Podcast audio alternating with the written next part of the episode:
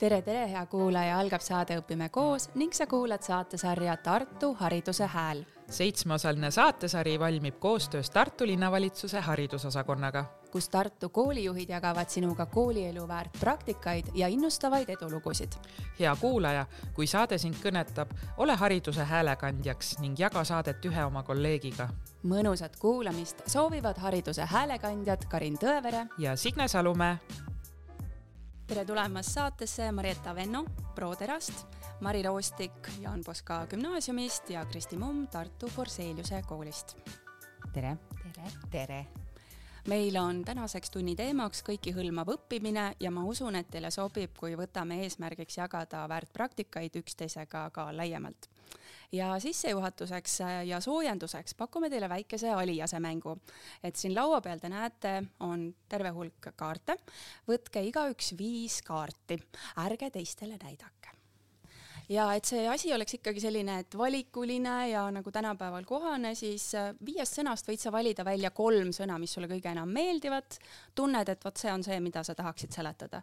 noh, Maril on valik tehtud juba. Nonii, anna tuld see on see, mida mina tahaksin oma koolis väga sinuga koos teha, mis selle nimi on? tandemjuhtimine. see pole aus, see pole juhtimine. koos juhtimine. proovi veel juhtimismeeskond. tagasisidesüsteem õpetajatele. Jõhvis tehakse ka seda. koodikoolis. tandemjuhtimine on ju. tehtud. oli või? jah yeah aga ma ütlesin seda kohe ju. no Kristi. aa, seletan siis kui lapsed, seda noh, metoodika jah, et siis kui lapsed õpivad asja kodus ära ja lähevad kooli, siis nad hakkavad koos seal õpetajaga hullama. kuidas seda meetodit tagurpidi klassiruum. ümber pööratud klassiruum. just see mm, -hmm. mõlema lõigega see ümber oli siin mm. -hmm. ja selline ümmargune tegevus, kus, mis on kasulik ja ma olen kuulnud, et ühes meie naaberkoolis on see eriti hästi arenenud õpiring, õpiring. Panime pooleks. ma näen siin märke, ma näen siin märke. Marietta aitas seda süsteemi viia ja mul on Coaching, mentorsüsteem. supervisioon. üks. mentorsüsteem Mentor. mumm jälle äh, algklassides rakendatakse üldõpetus Need nõmedad asjad, mis õpilastele üldjuhul ei meeldi. hinded. ainsuses. hinnad. ära rutta nii, see on see, mida siis nüüd uues õppekavas on natuke muditud, tegemist on ainsusega olulisem kui hinne. tagasiside, edasiside. olulisem kui hinne Nende.... hinnang, kujundav hindamine. sõnaline hinnang, hinnang.. oodake nüüd ah., ärge rutake seda on uues ainekavas muditud, nende põhjal tulekski kogu aeg õpetada. õpitulemus. suurepärane, Kristi Mumm, istu viis. aitäh. mitte õpetajast lähtuv, vaid õpilaskeskne. ainsuses Õp õpilasekeskne. veel väiksemaks. õppijakeskne. juhu mm.. siis, kui äh, laps jääb koolis hätta, siis on tal see tund. konsultatsioon äh, teistmoodi, seal on järeleaitamistund, järeleaitamine. juba päris lähedal, aga selleks on üks äh, teatud selline termin. õpiabi. jah. ahah aga teil läks nii hästi nende kolme sõna seletamine, et kas te tahate avada, et mis sõnad te nagu kinniseks jätsite, miks te nad maha panite? et põhjendage valikut ka. mina panin maha noppeõppe, et ma küll tean, mis see tähendab ja kuidas seletada, aga ma mõtlesin, et milleks seda sõna noppima asendada ja mm -hmm. See on kuidagi -hmm. nii lihtne mm. -hmm. Mm -hmm. ma panin üldpädevused mm, -hmm. sest no pff, aitäh, mitte eriti onju ja edasiside jäi ka seekord siia mina panin projektõppe kõrvale ja panin hindamisjuhendi kõrvale, sest need, mis ma valisin, olid seotud tandemõppe Kristiga, mentor siis Mariettaga ja mis mul see kolmas oli? tegelikult õpitulemus, see oli lihtsalt seotud sellega, et need on väga olulised ahhaa, väga hea. no kuidas enesetunne on, nüüd on äh,, olete lahti rääkinud ennast, saame ärevus kasvas, et kui kõik on sellised ülesanded ja küsimused, siis see läheb raskemaks. aa, okei okay., aga siis on selles mõttes hea, et me saame need kaardid teisipidi keerata, et need sõnad jäävad siia lauale ja loodetavasti toetavad meie seda vestlust, et äh, millest annavad võib-olla selliseid nii-öelda pidepunkte, et ai, ma tahan sellest või sellest ka rääkida või kommenteerida. et meie nii-öelda teema oli siis teadlik kõikihõlmav õppimine, et äh, kuidas rakendada uusi ideid kooli sees ning koolide vahelises koostöös? See kõik ühtki ja kõikehõlmav teadlik õppimine algab äh, pihta koolijuhist, kes äh, mõtleb oma organisatsioonist ja meeskonnast esimesena nii, et me kõik õpime, kaasa arvatud juht ise. ja kui see mõtteviis on nagu varba tallani juurutatud, siis ma arvan, et ei ole küsimust seda teha sissepoole ja absoluutselt ei ole küsimust, et seda teha väljapoole. aga see hakkab pihta väga kindlasti mõtteviisist ja juhi mõtteviisist ja ja, ja taas, et see peab minema hästi orgaaniliselt niimoodi, et kogu aeg on selline õlg-õla tunne, kogu aeg näpud puutuvad kokku, et sa saad kogu aeg seda infot jagada, et sellest ei ole kasu, kui mina õpin ja üldse koolis ei ole, mul on tohutu ampluaa mingisuguseid äh, teadmisi aga ma olen nendes üksi. et ma arvan, et see hakkab kõigepealt pihta sellest, et õppija tuleb ju nagunii kooli õppima, eks ole, ja õpetaja ülesanne enamasti on alati ju õpetada, eks ole. aga juht saab teha selle switch'i kaasaegses koolis, et tegelikult õpivad õpetajad ka kogu aeg juurde. juht on see, kes loob selle keskkonna, eks, et õppida saaksid nii õpilased kui õpetajad. aga see juhi kahe käe, noh, ma ei tea, teooria või kuninganna teooria, eks ju, et ühes käes sul juhina on visioon, missioon, need põhiväärtused, mille eest sina seisad, et keegi teine neid ära ei unustaks, tuletad meelde ja aitad toimetada nendega ja teises käes siis see sinu meeskond, kuhu on hästi oluline õigeid inimesi värvata, need, kes väsivad ära, neid võib-olla välja hoopiski aidata ja minu meelest hästi oluline sealjuures on see äh, nende inimeste vahelise niisugune koosloome toetamine selles keskkonnas, sama, mis Mari just praegu rääkis. et sellise niisuguse õppimise vaibi loomine, aga et, et kõiki neid lahendusi, neid uuenduslikke lahendusi, mis koolis tehakse, et neid siis tõesti koos luua mm. -hmm. mulle, mulle tundub vahel, et, et me unustame piisavalt tihti küsida endalt, et mis see meie miks on et äh, miks me koos käime, miks me tegutseme, et me kaome sinna niisuguse õppekorraldusliku virvarri ära ja need miks asjad tulevad vahel augustis korra meelde ja juunis, aga et need peavad kogu aeg fookuses olema. et me räägime sellest, miks ja me, me kaasame, noh, et, et mitte juht ei ütle ainult seda, noh, juhil peab ka see selge olema, sest ütlemata keeruline on töötada juhi all, kui ta ei tea, miks.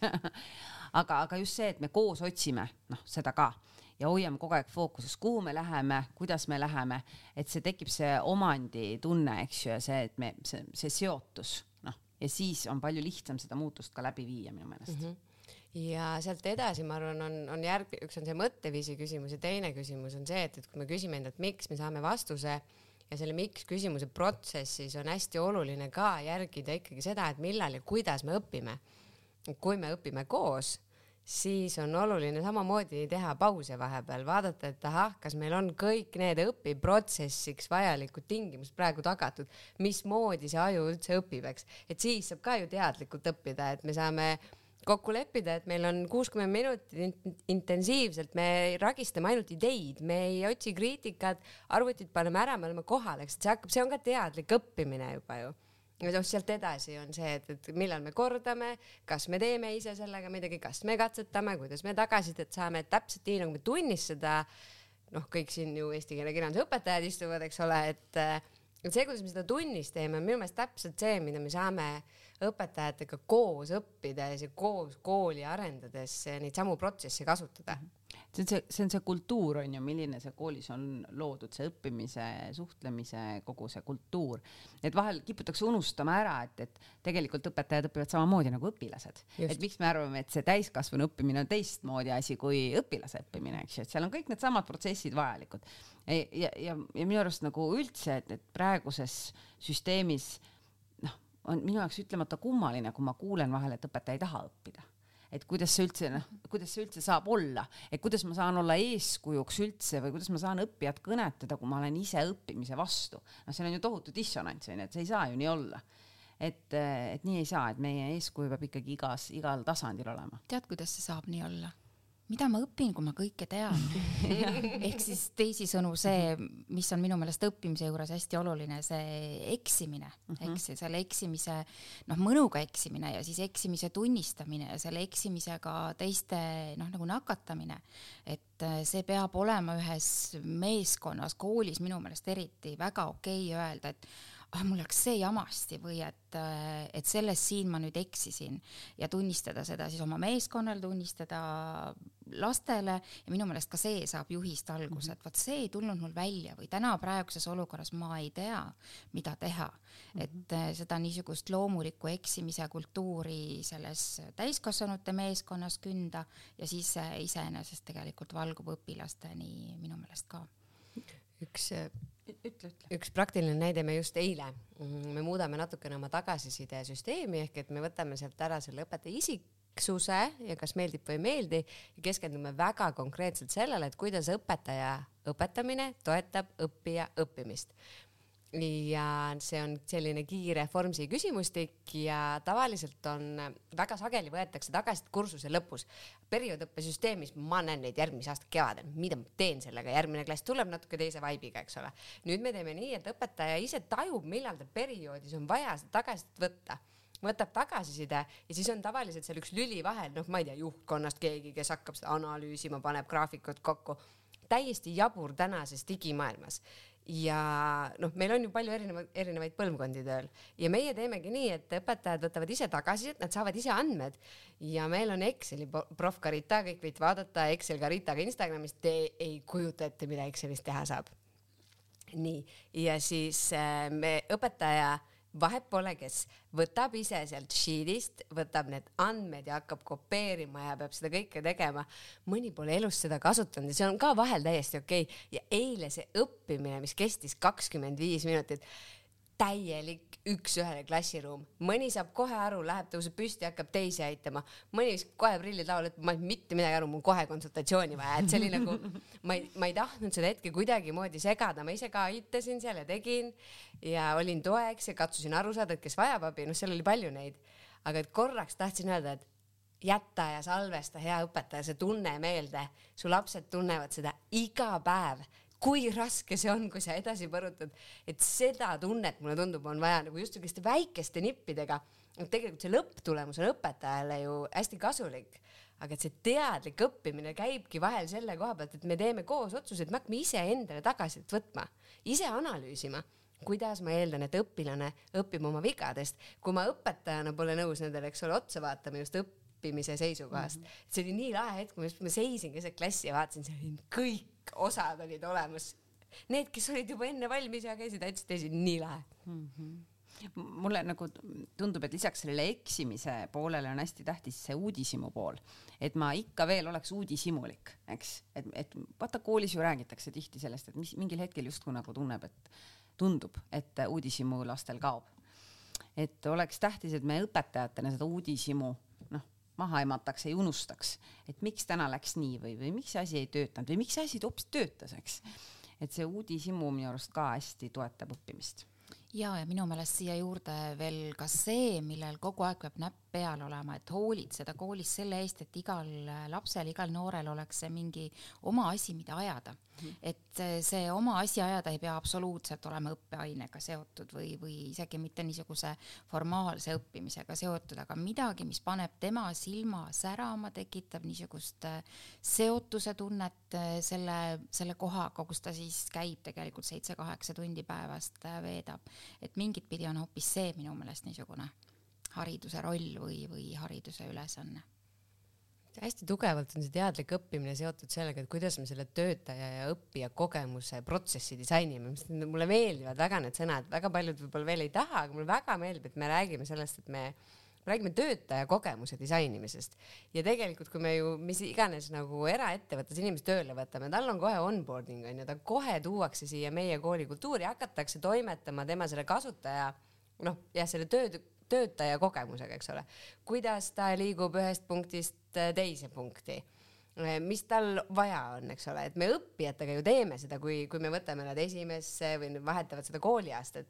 tegelikult peaks ju õpetajaga ka seda tegema, kui ta jõuab nagu erinevatesse karjäärietappidesse või ta on nagu kuskil teelahkmel ahaa, mis tal vaja on ja sama see, mis sa ütlesid, Marietta, et ka õpetajal peab see oma asi olema, on see siis õpilasesindusega tegelemine või on see siis äh, külaliste kutsumine, on see koolileht, on see kooli kultuurielu e-, edendamine, mis tahes asi see on, et see peab olema mingi oma asi ja, ja minu meelest äh, see, ma ei mäleta, kust see mõttekäik minuni on jõudnud, see ei ole originaalselt minu mõte, aga see, et kogu aeg milleski ikkagi õpetaja peaks ise algaja olema, et tajuma seda, kuidas see õppimise protsess käib, see võib olla mis iganes sportlik tegevus, käsitöö, ükskõik mis, aga et ma tunnetan kogu aeg seda, seda niisugust kerget alustamise ebamugavust, mida see laps äh, tõenäoliselt läbi teeb, kui ta jälle uue teemaga alustab või, või, või uus õppeaine tuleb või uus tegevus, et äh, see on ka hästi tähtis no ma võtan siit äh, sellise kuulaja küsimuse, et me rääkisime siin teadlikust õppimisest, aga võtame teadlik õpetamine ja Triinu Pääsik kommenteerib, et teadlik õpetamine tähendab, et läbime või anname õppijale võimaluse läbida kõiki Bloomi taksonoomia etappe. Aga millistesse, milliseid etappe praktiseeritakse võib-olla liiga tihti ja milliseid äh, etappe liiga harva või me ei jõuagi võib-olla sinna? no eks see on ikka ju see teada-tuntud ja me jääme ikka kolme esimesse kinni onju, eriti esimesse teiseks, aga sinna sünteesi noh, analüüsi noh, jõuame harva või, või noh, me, me nüüd see aasta ka võtsime ja vaatasime just otsa niimoodi noh, et proovida rohkem teadlikult monitoorida, et kuidas meie loodusõpetuse sellised tasemetöö tulemused on. Ja seal on ju ka, eks ju, teadmised ja kavandamine ja kõik see. Et mis, mis etapil hästi nagu on õnnestunud? Ja siin ei olegi nagu küsimus selles, et õpetaja nüüd midagi, et kas ma teen valesti, kui nüüd teadmine on väga kõrge, aga kavandamine või, või analüüs on madalam. siin on pigem see koht, et, et mida veel saab, sest me tegelikult oleme peatunud ja ma näen, et nagu see läheb ka õpetajatele korda, et kuidas saaks veel enam aga no mõnes kohas me ikka märkasime võib-olla, teadmine kipub ikka kõrgem olema kui see kavandamise koht. Ja samas märkasime, et, et distantsõppe ajal juhtus mingi täiesti muutus, et kavandamine ja analüüs kasvas tohutult, aga teadmine oli madalamal onju. et kuidas need kaks nagu saaks kokku panna, eks? Mul on nagu alati see mure, et, et kui me selliseid kohti analüüsime õpetajatega, et kuidas me jõuaks rohkem kõrgemat mõtlemist nõudvate selliste teemadeni et siis õpetaja ikkagi tajub, et kas ma tegin nüüd midagi valesti või kas see on, kas see on, kas see on paha või, või mis te tahate mulle sõnumina öelda, et me, me ei taha mitte midagi öelda, mõtleme koos, kuidas saab edasi. Et vaata see, see, see taandu, taandub nagu sinnasamma, mis sa enne ütlesid, et õpetajal on hirm eksida või kas ma noh, on ju.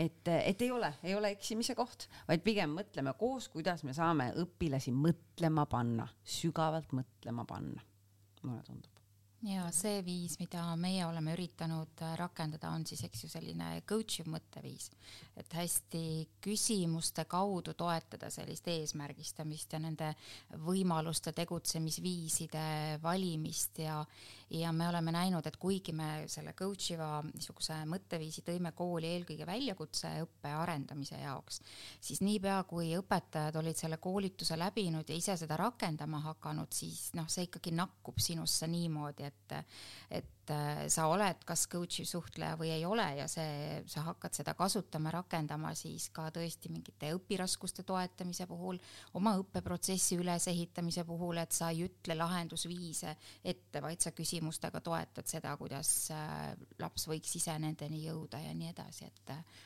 et meie meelest on, on selles mingi niisugune võluvits või võluvõti tahad sa seda natuke rohkem avada, seda, et kuidas see üles on ehitatud siis, et kas seda teevad kõik õpetajad või see on mingi konkreetsed õpetajad, kelle, kes sellega tegelevad mm. ja see on ainult ProTeras või see on allpool, ülevalpool ka? sa mõtled väljakutseõpet praegu? just. jaa, see on ainult ProTeras, seitsmes mm -hmm. kuni üheksas klass ja see on meie lahendus või meie viis äh, seda põhikooli kolmandas kooliastmes kohustuslikku loovtööd teha mm. -hmm. et äh, me ei tee seda ühte ja ainsamat tööd kaheksandas klassis, vaid et igas klassis iga äh, õpilane teeb kolm erinevat väljakutset, et ta külastab kuskil mingit teatrit, filmi, muuseumit, siis ta kindlasti peab midagi korraldama, mõnda üritust või külalist kutsuma ja kindlasti peab ta proovima ennast esinemisega proovile panna. Ja vahel nad loomulikult valivad selliseid väljakutseid, mis on noh, parajad pähklid nende jaoks, ma ei tea, teen esimest korda, korraldan kanuumatka,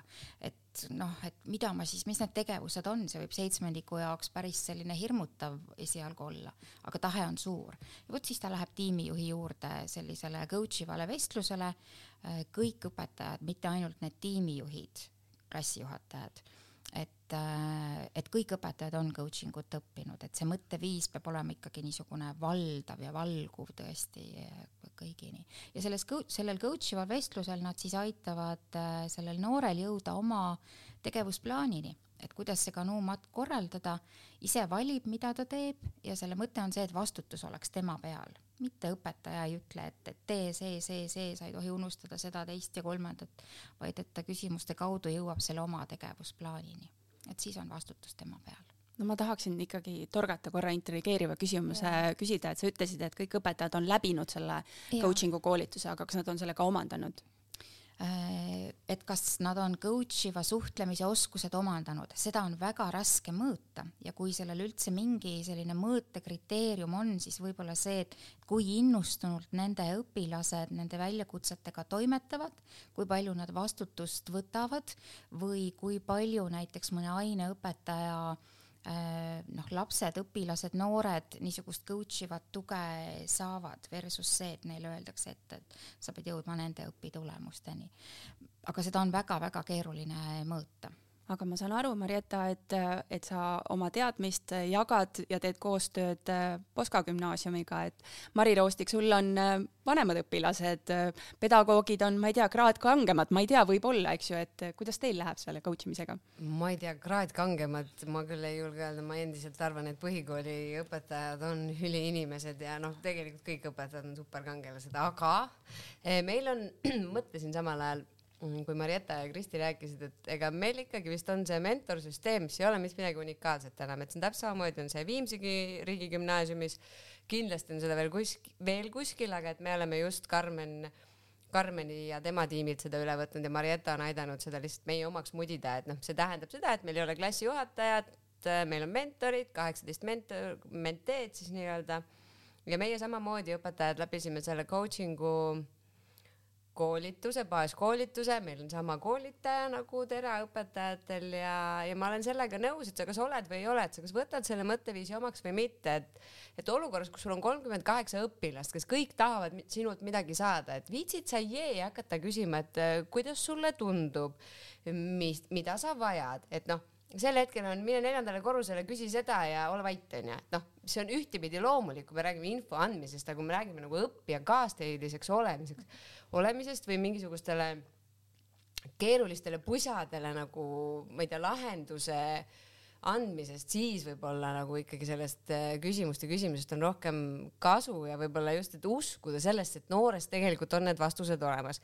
õpetajate juurde tagasi minnes on loomult neid, kes on kogu aeg nii teinud aga mõne jaoks on see ikkagi, see on võõras ja nad ise ei taha, et neid coach itakse, sest seesama, see haavatavus, hakkan ma siin ja nüüd õpilasele avama, et mul on ka raske või et ma ei ole perfektne, et see on nii tavaline, et mina õpetan, ma pean kõike teadma, ma pean olema igas asjas ekspert, no ei ole olemas sajateaduse professorit, vähemasti ei peaks olema, et meie võib-olla selle mentorluse ja selle kaudu oleme jõudnud sinna, et õpetajad annavad mentortunde igal nädalal seitsekümmend viis minutit, see on tunniplaanis sees, ei ole viimane tund esmaspäeval, kust kõik ära lähevad, vaid see võib-olla on kolmapäeval teine tund, üheksa nelikümmend viis, kõige magusam aeg, eks ole ja seal me sisustamegi ikkagi vastavalt sellele, mis lennus õpet-, õpilane, õpilane on siis, eks ole, kümnendas, üksteist, kaksteist, kõik on omad teemad lähtuvad väga selgelt äh, siis nendest arengupsühholoogilistest vajadustest ka.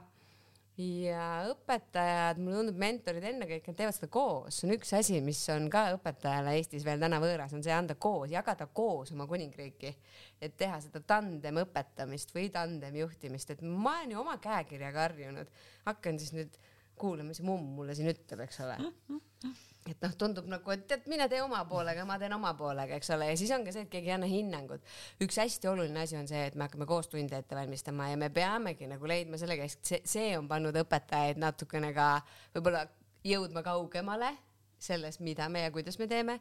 ja teine asi on need teemad et kuidas ikkagi rääkida noortele nendest, mis asi on harjumus, kuidas see kujuneb, ma pean ju midagi teadma sellest enne, eks ole, siis ma pean kavandama seda tundi, siis ma pean tegelikult leidma mingi praktilised harjutused ja siis ma pean panema nad veel reflekteerima ka selle üle.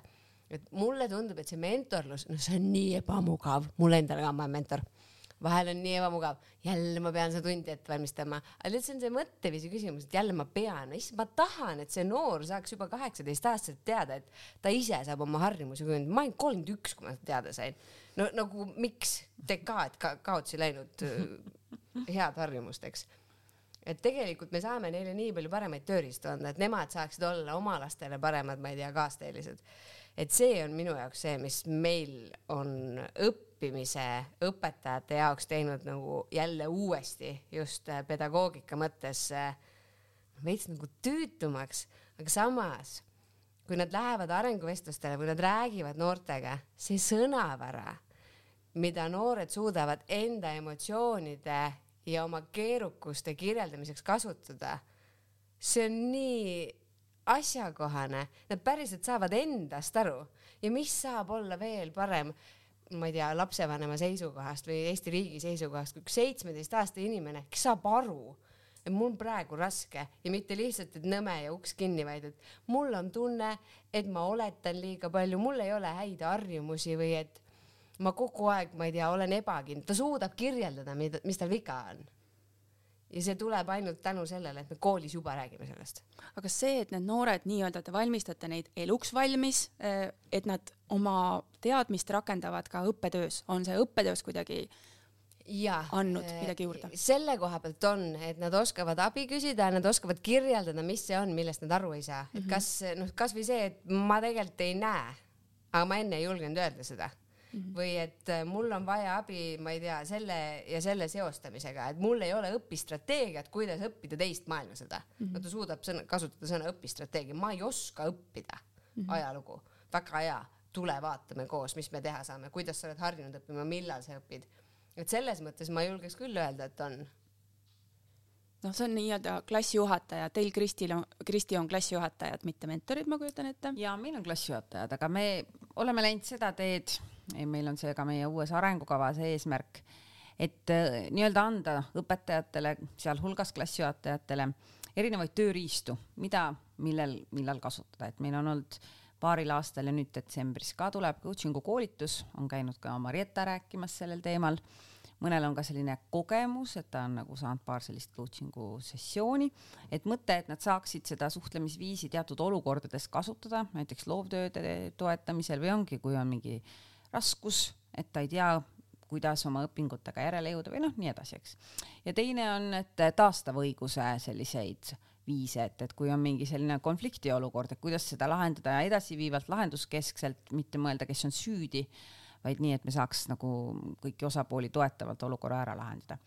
et selle kohta tuleb meil ka nüüd detsembris jälle teine selline kohtumine ja selline praktiline koolitus, et me, me oleme seda teed läinud, jah mm -hmm kas need praktilised koolitused, ma laua pealt äh, võtan siit spikri, et on see õpiring, et kas õp-, õpetajad tulevad kokku õpiringi, et kuidas see, mis see õpiring on teie jaoks? õpiring on see praegu, et äh, kuna meil on nüüd neljas aasta, kus meil on fookus ennastjuhtiva õppija selline toetamine, arendamine, siis õpiringides, noh, me oleme läinud niimoodi üldisest üksikule et alguses õpiringides me üldiselt proovisime aru saada, kes on ennastjuhtiv õppija ja õpetajad õpiringides töötasid välja materjale endale, meetodeid, asju, ähm, mis toetaksid neil siis oma tunnis ennastjuhtiva õppijaga tegelemist, eks ju, et meie õpetajad näiteks ähm, ehitasid üles siuksed väga sisulised ja ägedad plakatid, mis meil on üle kooli seintel üleval kodulehel ka, neid saab ka osta, väike reklaamiminut, et just, et selles mõttes ja see oli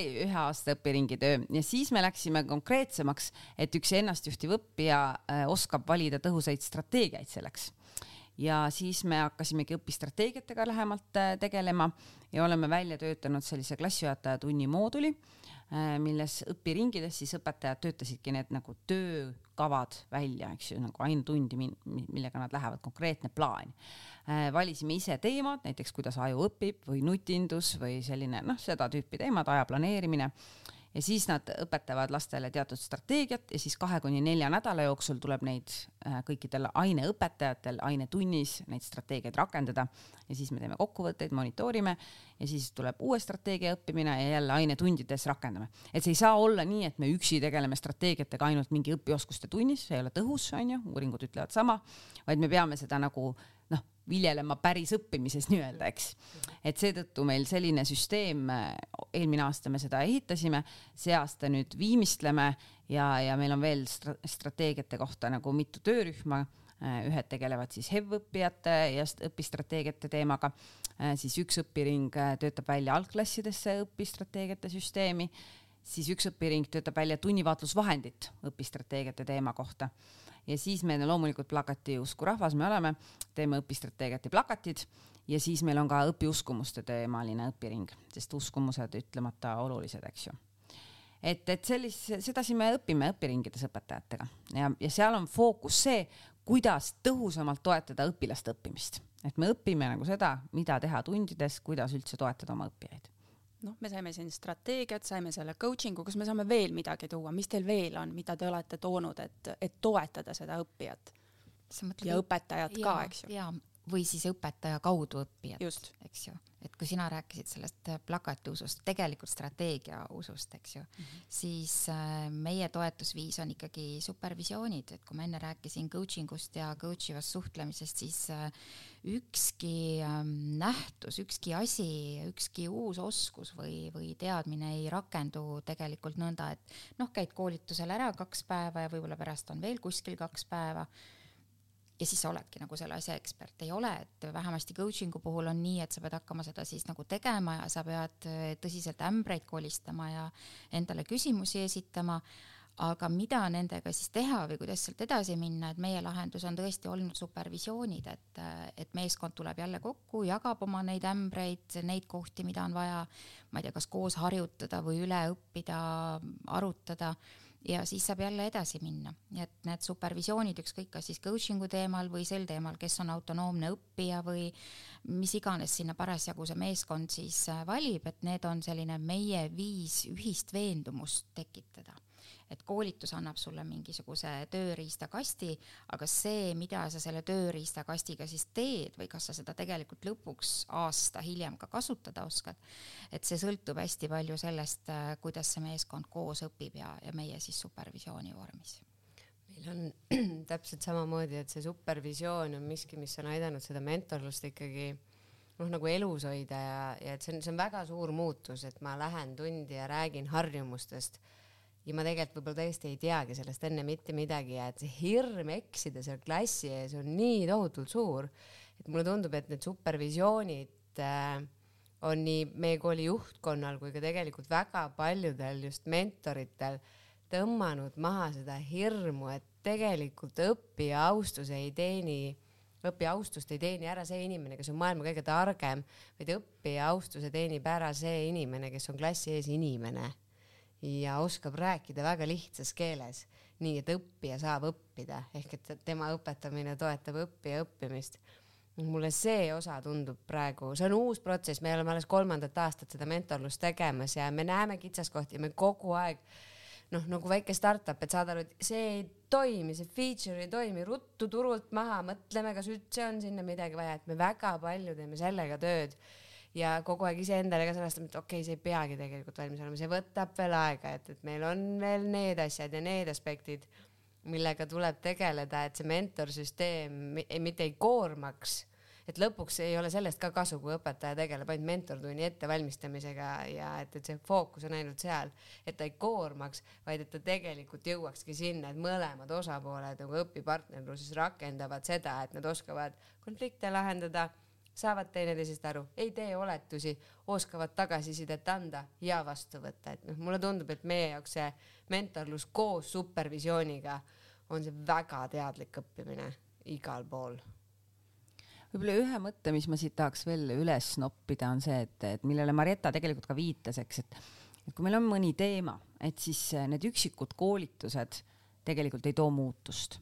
et me oleme ju, õpetajad väga palju käivad koolitustel, ütlemata tore aga, aga selleks, et tõesti mingi süsteemne muutus ka koolikultuuris toimuks, siis see peab olema ikkagi selline pikaajalisemalt, me peatume mingil teemal, eks ju, et, et siin tõid Mari ja, ja Maretta näite mentorlusest, noh, meil see õpistrateegiate ja ennastjuhtivuse teema, no näiteks selle coaching'u ja taastava õigusega meil on ka nüüd, noh, nüüd on kolmandat aastat, eks ju, sellised koolitusjupid, et meil ei ole see, et üks koolitus ja nüüd me eeldame, et kõik teevad juba, onju.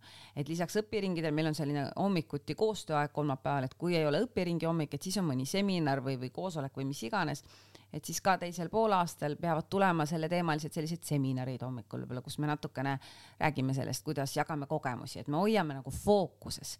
et miks tihti mingid muutused koolides ju ei, ei rakendu, on see, et me liiga vähe aega paneme praktiseerimisele, eks ju, et isegi on toimunud see motivatsioon, taipamine, uued praktikad välja töötatud, eks.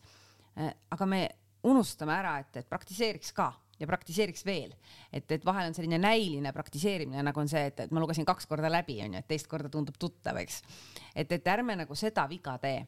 et see, ma ütlen, Tallinna Ülikool on tutvustanud hästi mõnusat ühte uuringut, ühte mudelit selle ähm, nagu muutuste puhul, et muutus ju tähendab õpetajate õppimist, eks ju.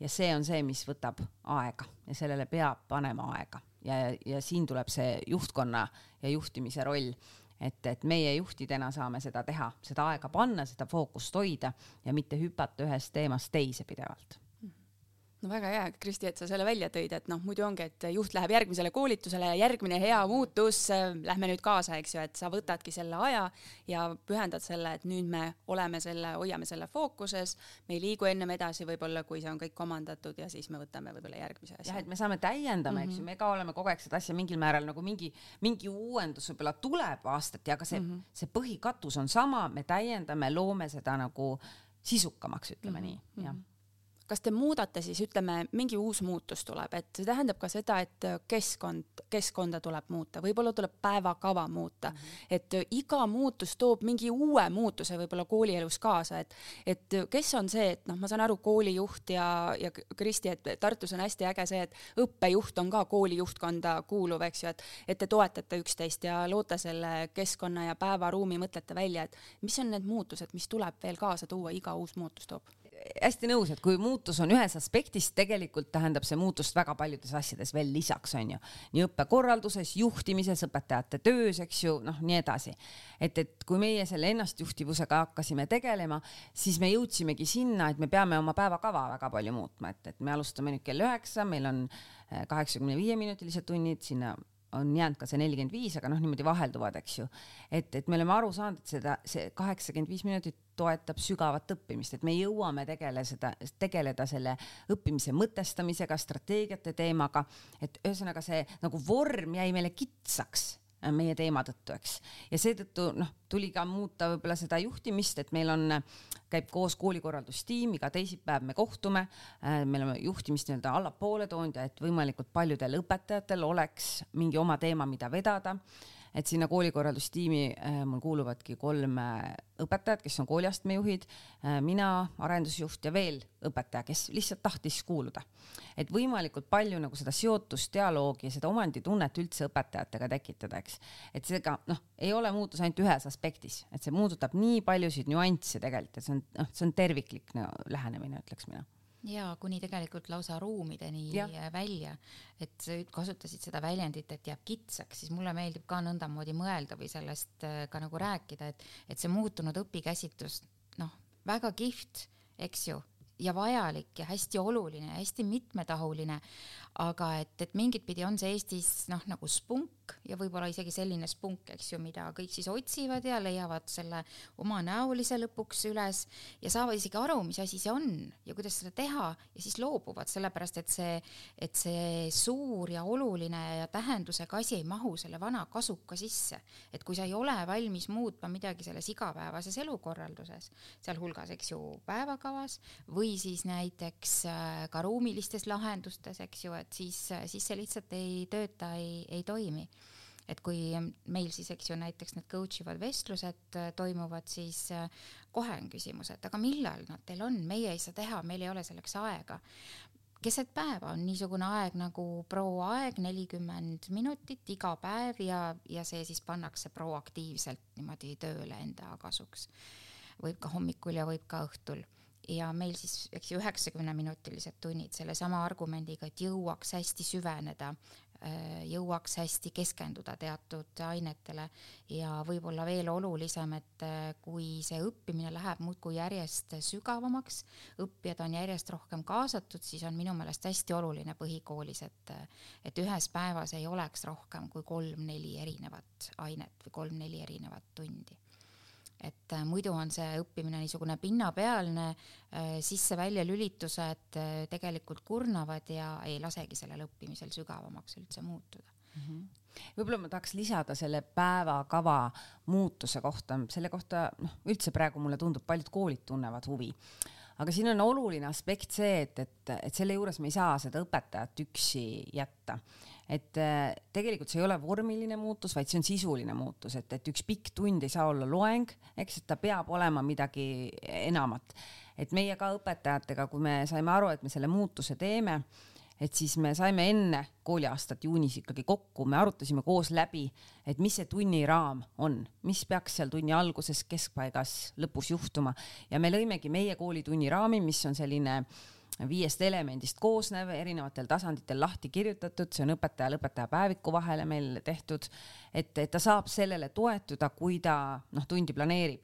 ja tollel aastal me ka niimoodi iganädalaselt monitoorisime, kuidas õpetajatel läheb selle tunniraamiga, kus nad vajavad tuge kui me nägime, et mõni aspekt vajab tuge, me tegime sel teemal õpiringi, ehk siis terve aasta me kogu aeg jälgisime ja hoidsime kätt pulsil, et mitte jätta oma inimesi üksi, sest see muutus on suur, eks. ja, ja mul ei ole eeldus, et me juba teeme noh, kohe suurepäraselt, muidugi oleks tore, kui teeme, eks ju, aga, aga mul on noh, tähtis see, et inimene on valmis arenema, kasvama, koos mõtlema, noh, muutuma selles mõttes. Ja niimoodi me olemegi vaikselt toimetanud, eks praegu ka me peame ikkagi seda tunniraami ja ka sellel aastal hoiame uuesti niimoodi fookuses, arutame selle üle, sest noh, see ei ole nii lihtne teha seda üliefektiivselt alati, eks no Kristi, sa tõid siin konkreetse näite, ma küsin su käest täiesti konkreetselt ka, et kui sa näed, et keegi on hädas, et kas sa saad kellegilt midagi, sina kui õppejuht, midagi ära võtta või mingit, mis abi sa saad talle anda, sina kui koolijuht mm? -hmm. no nagu ma ütlesin, et kui meil oli näha, mul ei olnud küll üksikisiku tasandil näha mm, -hmm. kellel on see mure, sest ma ei küsinud tagasisidet nimeliselt, vaid pigem seda tendentsi oli vaja näha, onju, et, et mis elemendiga no kui sa mõtled tegelema. üldiselt, eks ju, et, mis on sinu kätes olemas no, nii-öelda. siis minu kätes ongi see, et, et meil on see õpiringi võimalus ja siis on meil selline tunnivaatlussüsteem äh,, meil on selline tunnivaatlusgrupp ja selline tunnivaatlus ähm, tarkvara, Iris, mida nimetatakse Iris, Iris Connect, täpselt, Iris Connect. E, et kus meil siis kuulub ka üks grupp äh, õpetajaid kes siis on valmis eh, oma tundi niimoodi ise eh, filmima ja jagama mingeid elemente, et praegu näiteks me käime ka niimoodi iga kuu koos, me oleme võtnud oma tunniraami aluseks, me al-, praegu keskendumegi eesmärgistamisele ja nad jagavadki minuga eesmärgistamise klippe või jagavad omavahel, me tagasisidestame, õpime koos, et seda eesmärgistamist veel sisukamalt läbi viia, onju. siis me võtame järgmise oma selle tunniraami elemendi ja kasvame nagu seal. et see hästi tegelikult toetab ka neid alustavaid õpetajaid, et meil on ka päris palju alustavaid, et kuidas nemad saaksid olla äh, toetatud noh, Mari, kas sa tahad kommenteerida siin? mul ei ole üldse vaja nagu kommenteerida midagi, aga ma võib-olla hakkan kinni selle koha pealt, et et kogu see mentordamine ja võib-olla ise uuesti õppima hakkamine, et see on hästi palju tekitanud seda olukorda, kus, kus sageli õpetatud, aga Mari, ma ei jõua ja ma ei jaksa, sest mul on vaja seda ja seda teha, siis ma mõtlen, et kas sul on vaja teha või sa oled harjunud nii tegema, et kus, ma mõtlen kogu aeg selle peale, et, et mida sa saad mitte teha mis on need asjad, mis praegu ei päde, et kui me võtamegi nagu selle õppekava ette, eks ole, et seal on nagu gümnaasiumis on väga paljudes kohtades tohutult suur variatiivsus, sa saad nii palju valida. Sa saad vaadata sellele noorele ja sellele rühmale otsa, et mis neid kõnetab, mis nende eelnevad kogemused on, et võib-olla on klassireisil kuskil käidud, ühesõnaga, et seal on nagu, seal on nii palju võimalusi olla loominguline, et mind alati nagu teeb kurvaks see, kui õpetaja ütleb, et sa ei lase mul üldse olla loominguline, meaning ma lähen võtan need slaidid ja let's go, lähme otsast peale jälle, et noh, ma ei arva, et kõik nii teevad ja, ja ka mul ei ole ju koolis õpetajaid, kes nii teevad ometigi, aga lihtsalt ma tahan öelda seda, et, et see, see mentordamine ja see, et ma hakkan kellegagi koostööd tegema, et see aeg on nagu alati selline nagu jube hea vabandus, et nagu raha vaata kunagi pole, eks aga tegelikult küsimus on selles, millesse me investeerime, missugust õppijat me tahame, et nagu korraks tuleb teha see paus ja mõelda, et miks ma siin koolis käin, et kas on lihtsalt hoone, et mul tuleb nagu hea steady palk või et ma tulen mingit lisaväärtust siia looma, sest ma küsin rahulolu uuringutes, et mis see õpetaja, mis sind motiveerib, et ma saan õppijatele midagi pakkuda, no aga kui sa tahad olla see aken maailma, et siis noh, tee lahti ja kinni vahepeal, et, et mina mõtlen sellest hästi palju niipidi kogu aeg. et, et, et peab mõtlema korraks, mis ma nagu re reaalselt sealt noh, nagu õppekavast lihtsalt nagu ära jätan, et tegelikult on ju vaja paremat inimest, suhtlejat ja kõrgemal tasemel mõtlevat noort inimest. Aga õpetaja on harjunud selles kavas kinni olema, et kuidas coach'id ütlevad, et, et kuidas neid aidata, neid õpetajaid siis, et lase lahti sellest raamist, oleme, õpime inimeseks olemist no eks see on kindlasti selline koolijuhi enda innustamine ja kindlasti hästi palju noh, nagu eeskuju, eks ju, et, et kui sa, kui sa tahad, et sinu meeskond õpiks, siis sa pead ise õppima. Et äh, minu viimane õppimine oli coach äh, superviisori õpingud. Ja, ja täna ma tegelikult koolijuhina isegi, et ei toimeta väga palju, et äh, koolipidaja ja coach superviisorina ja see, kuidas me püüame õpetajaid toetada, ongi siis noh, nagu niisugune tugi kõige rohkem aga ma ei tea, kas ma vastan su küsimusele või ei vasta, aga sellest õpetajate meeskonnast veel korraks, et äh, mulle tundub, et me juhtidena väga palju eeldame ja arvame, missugust tuge meie inimesed vajavad, mis neid motiveerib ja hullult oleme valmis pingutama, et neid motiveerida väljastpoolt. me teeme seda nii paraku, nagu me ise arvame ja õigeks peame aga tulles nüüd selle noh, nagu teaduspõhisuse juurde või sellele, et ära eelda, vaid uuri kõigepealt, eks, siis äh, Tallinna Ülikooli tulevikukooli programmis olles kolm aastat tagasi me õppisime kasutama sellist õpetajate võimestatuse küsimustikku, kus on siis viis erinevat tahku, mis ühes õpetaja töös võiksid olemas olla, sealt kuuluvusest kuni, kuni siis sellesama mõjususe ja tähenduslikkuseni välja ja me uurime nüüd neid aspekte õpetajatel siis igal aastal ja jälgime neid trende, et kuidas see number muutub, mis võib olla see, mis on seda mõjutanud või et kas on oluline teada, et kes on see üks, kes näiteks, ma ei tea, kuidagi ei tunne ennast kuuluvana või, või keda on kuidagi vaja toetada. Ja kui sa neid numbreid näed ja neid meeskonnaga siis jagad, siis on äh, meie meelest hästi oluline selle juures äh, küsida, et äh, aga et kui see on nüüd see, mis meid siin natukene kriibib, et kuidas seda siis muuta ja tõsta ja koos meeskonnaga neid lahendusi välja mõelda, mitte ise niimoodi hoomamatult neid spaasse tarida või eeldada, et kõigile sobib üks või teine või kolmas niisugune motivatsioonimeede mm, -hmm. eks. ma kohe siit äh, just valmistan ette ühte oma meeskonna sellist arengupäeva ja mõtleme seal läbi erinevaid asju ja vaatasin ammu tehtud rahulolu küsimustikke ja seal ju ka inimene, eks ole, vastab onju ja siis pakutakse mingeid lahendusi, et kuidas seda võiks teha. ja eks see on minu suur-suur õppimiskoht, ma kogu aeg mõtlen, enne kui ma midagi ütlen, et keegi teine peaks tegema, kus on minu kui Mari Roostiku inimese vastutus? mina olen valinud koolijuhi töö, mul on õnn seda tööd teha, see on minu valik ma tean, et sellega käib kaasas tihe töögraafik, seal on palju teatamas mõttes stressi, aga mul on nii põnev ja ma saan midagi teha, mis mulle päriselt meeldib. kui ma olen valinud õpetaja töö, natuke on seal, no suht palju on stressi, onju, kiire on, palju erinevaid noori, aga kui palju võimalusi muuta maailma. ja siis kui on nagu natuke veits nagu tüütu või pingeline tööl, vot siis ma enam ei taha vastutada. ma ei ütle, et see käib nagu nii ja see on ju minu nagu selline noh, hirm, eks ole, et mul on meeskond, kes muidu on nagu kõik cool, aga vot kui midagi nagu ei toimi, et oota, Mari, tule tee korda. vot seda osa mulle ei meeldi, siis ma alati toon selle näite, et kui õppija ei ütle, mis talle raske on siis ma lasen edasi oma eh, lauselühendite ja põimlause juurde lähen ka veel, eks ole. ta võib-olla ei tea, mis öeldiski on. noh, õpetajaga on ju samamoodi, et ma saan teda aidata siis, kui ta ütleb, mis tal vaja on ja kui ta kõigepealt saab aru sellest, et ta võtab ise vastutuse. no kui ma teen iga päev, lasen igal klassil kirjandi teha, no sorry, oled küll natukene halvasti planeerinud seda aega, mina neid parandama ei hakka. et siin on nagu noh, oma vigadest õppimine on ju aga see, et mina võtan vastutuse oma tööõnne eest, minu arust see on nii oluline, vaat pole, kus ma töötan ma küsiks siia vahele, et mis on see, millest teie olete lahti lasknud? no üks konkreetne näide, millest me meeskonnaga koos oleme lahti lasknud, on näiteks äh, aasta alguses äh, töökavade sellisesse vormi vorpimine, et õpetaja peab suutma öelda, missugune on tema jaanuarikuu teise nädala kolmanda tunni teema näiteks, et jah, töökava või niisugune plaan, mida ma teen, kuhu ma tahan jõuda, mingisugune ajastatus, see on igal ennastjuhtival täiskasvanud õpetajal olemas, aga me oleme lahti lasknud sellest, et ta ei pea neid sellisesse vormi panema ja kellelegi saatma, kes neid tegelikult isegi mitte vaadata ei jõua. et, et selle energia me panustame siis niisugusesse meeskondlikkusse meie ka tegime sama asja ära, et meie ka neid asju õpetajalt enam ei küsi selles mõttes, et igalühel ongi ju õpetaja täiskasvanud inimene ise planeerib oma töö, eesmärgistab, mõtleb, missugust plaani ta ise tahab teha ja ta teeb seda endale, mitte ju mulle, et ma, ma ei taha seda kontrollida, ma ei kogu seda.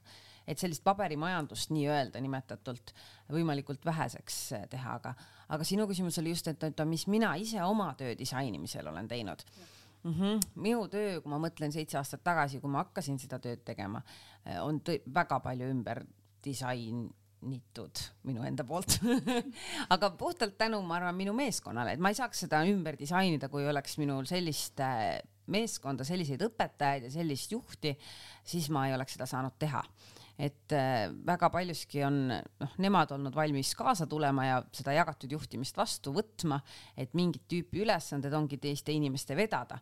noh, mingi lõimingu teemat veab üks kooliastme juht, eks ju, loovtöid teine kooliastme juht, noh, et mingeid asendusi on ju sekretäri juhi abi, et mingites asjades nad võtavad üle ja teevad seda kümme korda paremini, kui mina seda kunagi üldse tegin, sest see on nende teema, see on nende selline beebi, eks ju, mida nad veavad ja noh, super noh ja mulle tundub, et nii ongi parem, kui sa ei tee seitset tuhandet asja, et mina saan tegeleda sellega, et, et, et kuhu me siis nüüd läheme ja kuidas õpetajaid toetada ja, ja kõik see teema, eks, et, et ütlemata tänulik selle eest, et nad sellised on kas need inimesed, kellele sa oma ülesanded oled laiali pudistanud, saavad lisatasu ka selle eest? ja saavad.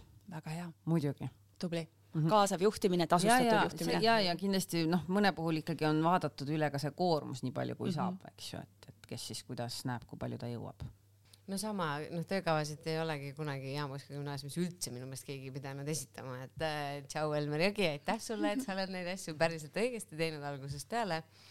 ja see, mis puudutab ka seda jagatud juhtimist, et mina ju ikkagi õppejuhina äh, noh, meid oli ka ju rohkem ja me saime kohe aru, et noh, ma, ma kindlasti olen väga paljudes asjades väga tugev, sest need asjad huvitavad mind. kui panna Mari Roostik tegema tunniplaani, noh, ma ei tea ausalt, mis, see oleks üks päris huvitav väljakutse mulle, et mina teen ma ei tea, Jaan Poska gümnaasiumi viienda perioodi tunni, ma arvan, pooled klassid, pooled õpetajad unustan ära ja kõik õpivad eesti keelt ja kirjandust ja siis neil on vahetunnid, eks, noh, naljaga pooleks. et meil on ka ikkagi üsna palju seda jagatud tasustatud vastutust, sest ma arvan üleüldse, et ei pea nagu raha maksma selle eest, et inimene midagi teeb, vaid inimestel tuleb anda nagu turvatunne, et ta vastutab millegi eest, mistõttu mulle tundubki, et vastutuse eest tuleb maksta, et see on minu meelest oluline.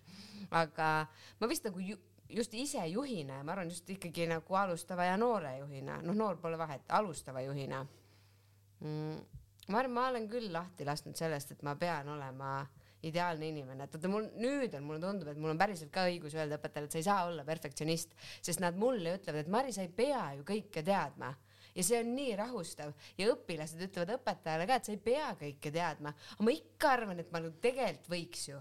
Aga ma enam ei arva, et ma kõike ei saagi teada, ma ei tahagi, sest siis ma ei süvene mitte millessegi.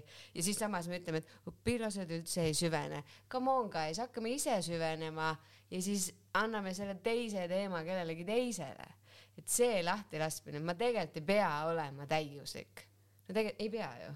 ei, ei. Thanks kui me kõik oleme täiuslikud, siis kaob ära põnevus. meenus sellest isiklikust aspektist, et kui te rääkisite, et millest te ise juhtidena olete lahti lasknud, siis äh, palun mulle pai viimase, no ma arvan, et see on selline viie-kuue aasta areng, no võib-olla veits rohkem.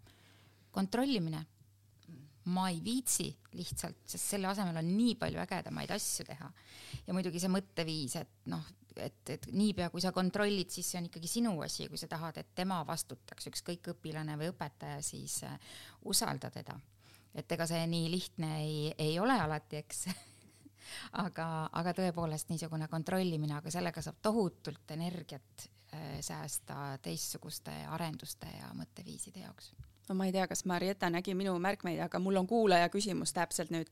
milliseid tagasiside ja kontrollimehhanisme koolid kasutavad et noh, mingisugune arusaam, mida inimesed majas ikkagi teevad, peab ju olema, eks ju, et aga mis on need kaasaegsed lähenemised mm? -hmm. mina näiteks olen nüüd läinud seda viisi, et äh, vestlused on üks asi, et oma kooliastme juhtidega ja selle niisuguse lähima koolikorraldustiimiga olen proovinud selliseid üks-ühele niimoodi, me ei tee iganädalaselt, aga kord kuus, et meil oleks sellised kuhu me läheme, kuidas me toimetame, mis on teemaks. aga siis ma olen hakanud seda ka tegema, et ma panen niimoodi iga kuu mingid ajad välja ja saadan õpetajatele, et te võite iga hetk tulla, noh, mul on uks küll lahti ja nad käivad ka, eks ju, aga see on selline jooksev mingi küsimus, läheb ära ja nii, aga siis ta võtab selle aja, ma panen ukse kinni, see on tema aeg ja nüüd me olemegi koos. ja, ja siis ma saan kuulda, mis seis on, kuidas me toimetame, mis see tema teema on, millega ta tahab pöörduda. et ja mõni tuleb mitu korda, eks, mõni tuleb korra, noh, kes kuidas. olen kunagi rakendanud, et nad võivad tulla ka üksi, kaksi või kolmi, et nagu meeskonniti, et nad hakkaks üksteist toetama, aga see pole veel nii hästi üldse käima läinud. tööd veel jagub küllalt et see on üks viis, kuidas tagasisidet üldiselt saada ja noh, nii see, ei ole kontroll, pigem ma näen seda ainult toena, et, et ma olen nagu hästi Marietaga sama meelt, et see kontroll ei ole kunagi mu mõttes nagu, et ma kontrollin, kasvõi seesama, kui me seda tunniraami või pikka tundi tegime ja, ja seda iganädalast tagasisidet võtsime. kui ma oleks kontrollinud, siis ma oleks pannud selle kohustuse nimeliselt, et ma tahan näha, kes, mis kell, millal vastas ja kuidas seal tunnis on. ma, ma ei oleks, noh, mis ma sellest oleks saanud, ma oleks saanud võib-olla mingi vale pildi täiesti. et minu mõte oli ju toetada neid ja ma saingi sealt tagasisidet, eks ju, et kus on murekoht, mis teemal me toetame inimesi. ehk siis pigem on see tagasiside oluline selleks, et ta oleks edasiside ja me saaks siit edasi minna. see, näe, edasiside, sul oli siin mm -hmm. see mhm. märksõna enne mm. -hmm ma ei kontrolli, ma ei vaata, ma ei käi korruseid läbi, kas õpetajad on kohal, ma seda osa ei, ei kontrolli. küll aga ma ei ole veel seal, kus Marietta on ma, ma lähen täiesti errorisse, kui ma ei tea, mis saab, kui pole plaani. ma olen nõus, et plaan muutub sekundiga, kohanen ümber.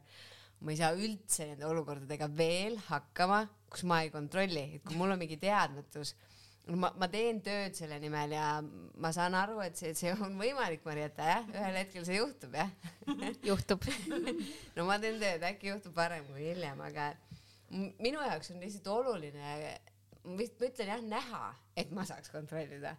et meil on see, see tahtmine olemas, et me läheme edasi. et mul nagu lõppkokkuvõttes, mul täitsa suva, mis meil riigieksami tulemused on, ma päriselt ütlen, et mul on nagu suva ja hea on, kui neid tabeleid üldse ei tulegi, et see ei anna kellelegi tegelikult mitte midagi juurde aga et meil on see, see tahe nagu selle õppija arendamise poole, et, et kui ta läheb meie koolist ära, siis ta teab, mida tema tahab teha, kes ta on ja mida ta maailmale nagu anda tahab. et see on see, mille poole me tegelikult ju liigume, mitte see, et ta mahuks meie hindamisjuhendi raamidesse või et viiskümmend protsenti ühe kursuselistest ainetest oleks kolme aasta peale. Need on jah reeglid, need raamid, need aitavad. aga mul, mul, ma tahaks nagu kontrollida seda mõtteviisi. no kuidas sa kontrollid seda? No mõtle, mul on nii rasked ülesanded püstitanud endale, et mul on õpiabi vaja. nii. meil on õpiabi oli siin. meil on õpiabi tund. aga siit edasi, et mis see tagasiside, ma olen ka hästi seda vestluste meelt äh, ja üks-ühele vestluseid ma tegin eelmisel kevadel ja ja ma arvan, et see tagasiside võib-olla tegelikult äh, algab sellest, et ma üldse oskan seda meeskonnas õpetajana või selle meeskonna liikmena vastu võtta ja siis anda et ma võib-olla kohe ei läheks sinna, et hakkame nüüd juhiga tagasiside vestluseid tegema, et ma olen alati avatud tagasisidele ja ma olen õppinud sellega toime tulema, et see ei ole kindlasti mu loomumine tugevus, et ma mingi kannatan kriitikat. ja ma siin vaatan otsa, naeratan, pärast koju nutan, homme jälle naeratan, eks, aga et, et sellest igast äh, märkusest või kommentaarist ma saan tegelikult õppida ja areneda, et ma pean lihtsalt ise oskama oma mõtteviisi nii seadistada, et ma kuulan seda, mis mulle öeldakse, mitte ma ei mõtle välja, mida mulle öeldakse, eks. et minu jaoks need kaks hästi olulist asja, et ma, et ma näen seda tahet ja teisipidi, et see tagasiside käib tegelikult inimese enda peas, enda dialoogi, enda kahekõnena. Ja kui ma iseendaga oskan rääkida, siis ma võib-olla oskan teisele tagasisidet anda ja siis ma oskan seda tagasisidet ka vastu võtta et meil on need protsessid pooleli, aga et me just jaanuaris tegeleme sellega hästi intensiivselt ja just nagu meeskonnas iseendale ja teistele. õpetajad tihti kurdavad, et tagasisidet on nii vähe. palun anna mulle tagasisidet. siis küsid, et jaa, hästi, aga mille kohta sa tahad tagasisidet saada, et näppu sellele peale saada. noh, et kuidas ma seal tunnis olen ja kuidas ma õpilastele mõjun oota, kas sa tahad, et ma tulen su tundi siis vaatama ja ma jälgin seda aspekti? ei noh, tegelikult ei ole üldse oluline, eks ju. et, et minu meelest see, mille kohta ma tagasisidet äh, tahan, on juba pool sellest niisugusest eneseanalüüsist, eks ju, sest kui ma suudan selle välja mõelda ja sõnastada, siis ilmselt seal midagi kuskil juba on ja noh, tugevad on need õpetajad, kes julgevad või tahavad selle mm -hmm. siis nagu äh, tõesti välja öelda aga mis puudutab seda, et, et kus maal siis keegi on, ma ei mäleta, kas ma olen rääkinud sulle või teile seda pärdikute lugu. Jenny Rogersil on selline teooria, et kui äh, inimene tuleb juhi juurde, eks ju, mingisuguse looga, et appi-appi, et selline asi juhtus, siis on kaks varianti juhil noh, nagu reageerida. et kas öelda, et oh sa vaesekene, jäta oma pärdik, mille sa just praegu kaasa tõid minu ruumi, küll ma temaga tegelen, või selle peale öelda, et aa, niisugune lugu, kuidas ma sind äh, selle lahendamisel, mida toetada saan, et mida sa minult ootad ei noh, tegelikult midagi, ma sain nagu ära rääkida, juba on hästi. ehk siis oluline on see pärdik talle kaasa anda, sest muidu mm -hmm. on sinu kui juhi tuba mm -hmm. päeva lõpuks neid mm -hmm. pärdikuid täis ja sa vaatad, kuidas noh, tulevad unenägudesse mm -hmm. ka lõpuks, eks ju. Mhm. et, äh, et minu meelest see töötab väga-väga mm -hmm. hästi ja noh, loomulikult vestlus tööriistana, et noh, mis siis nagu, nagu veel, aga vot ma ühel hetkel hakkasin küll muretsema, et ma tahaks ju kõigiga kogu aeg rääkida ja siis mulle sattus kätte selline raamat nagu Üheksa valet töökohta.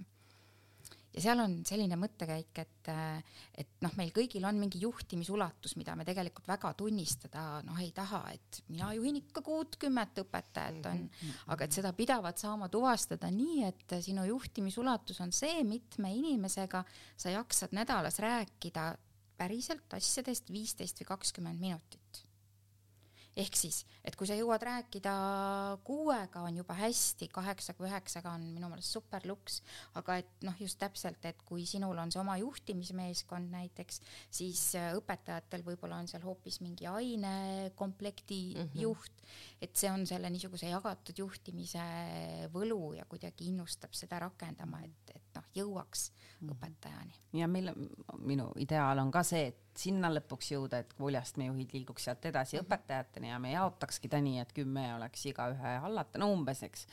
aga noh, siin antud hetkel ta jääb natuke ikkagi meie kooli kontekstis ressursi taha ja, ja noh, muidu ei ole väga selline, et ai, ressursse ei ole, ei saa, aga antud hetkel tõesti ei saa nagu selles mõttes kõike.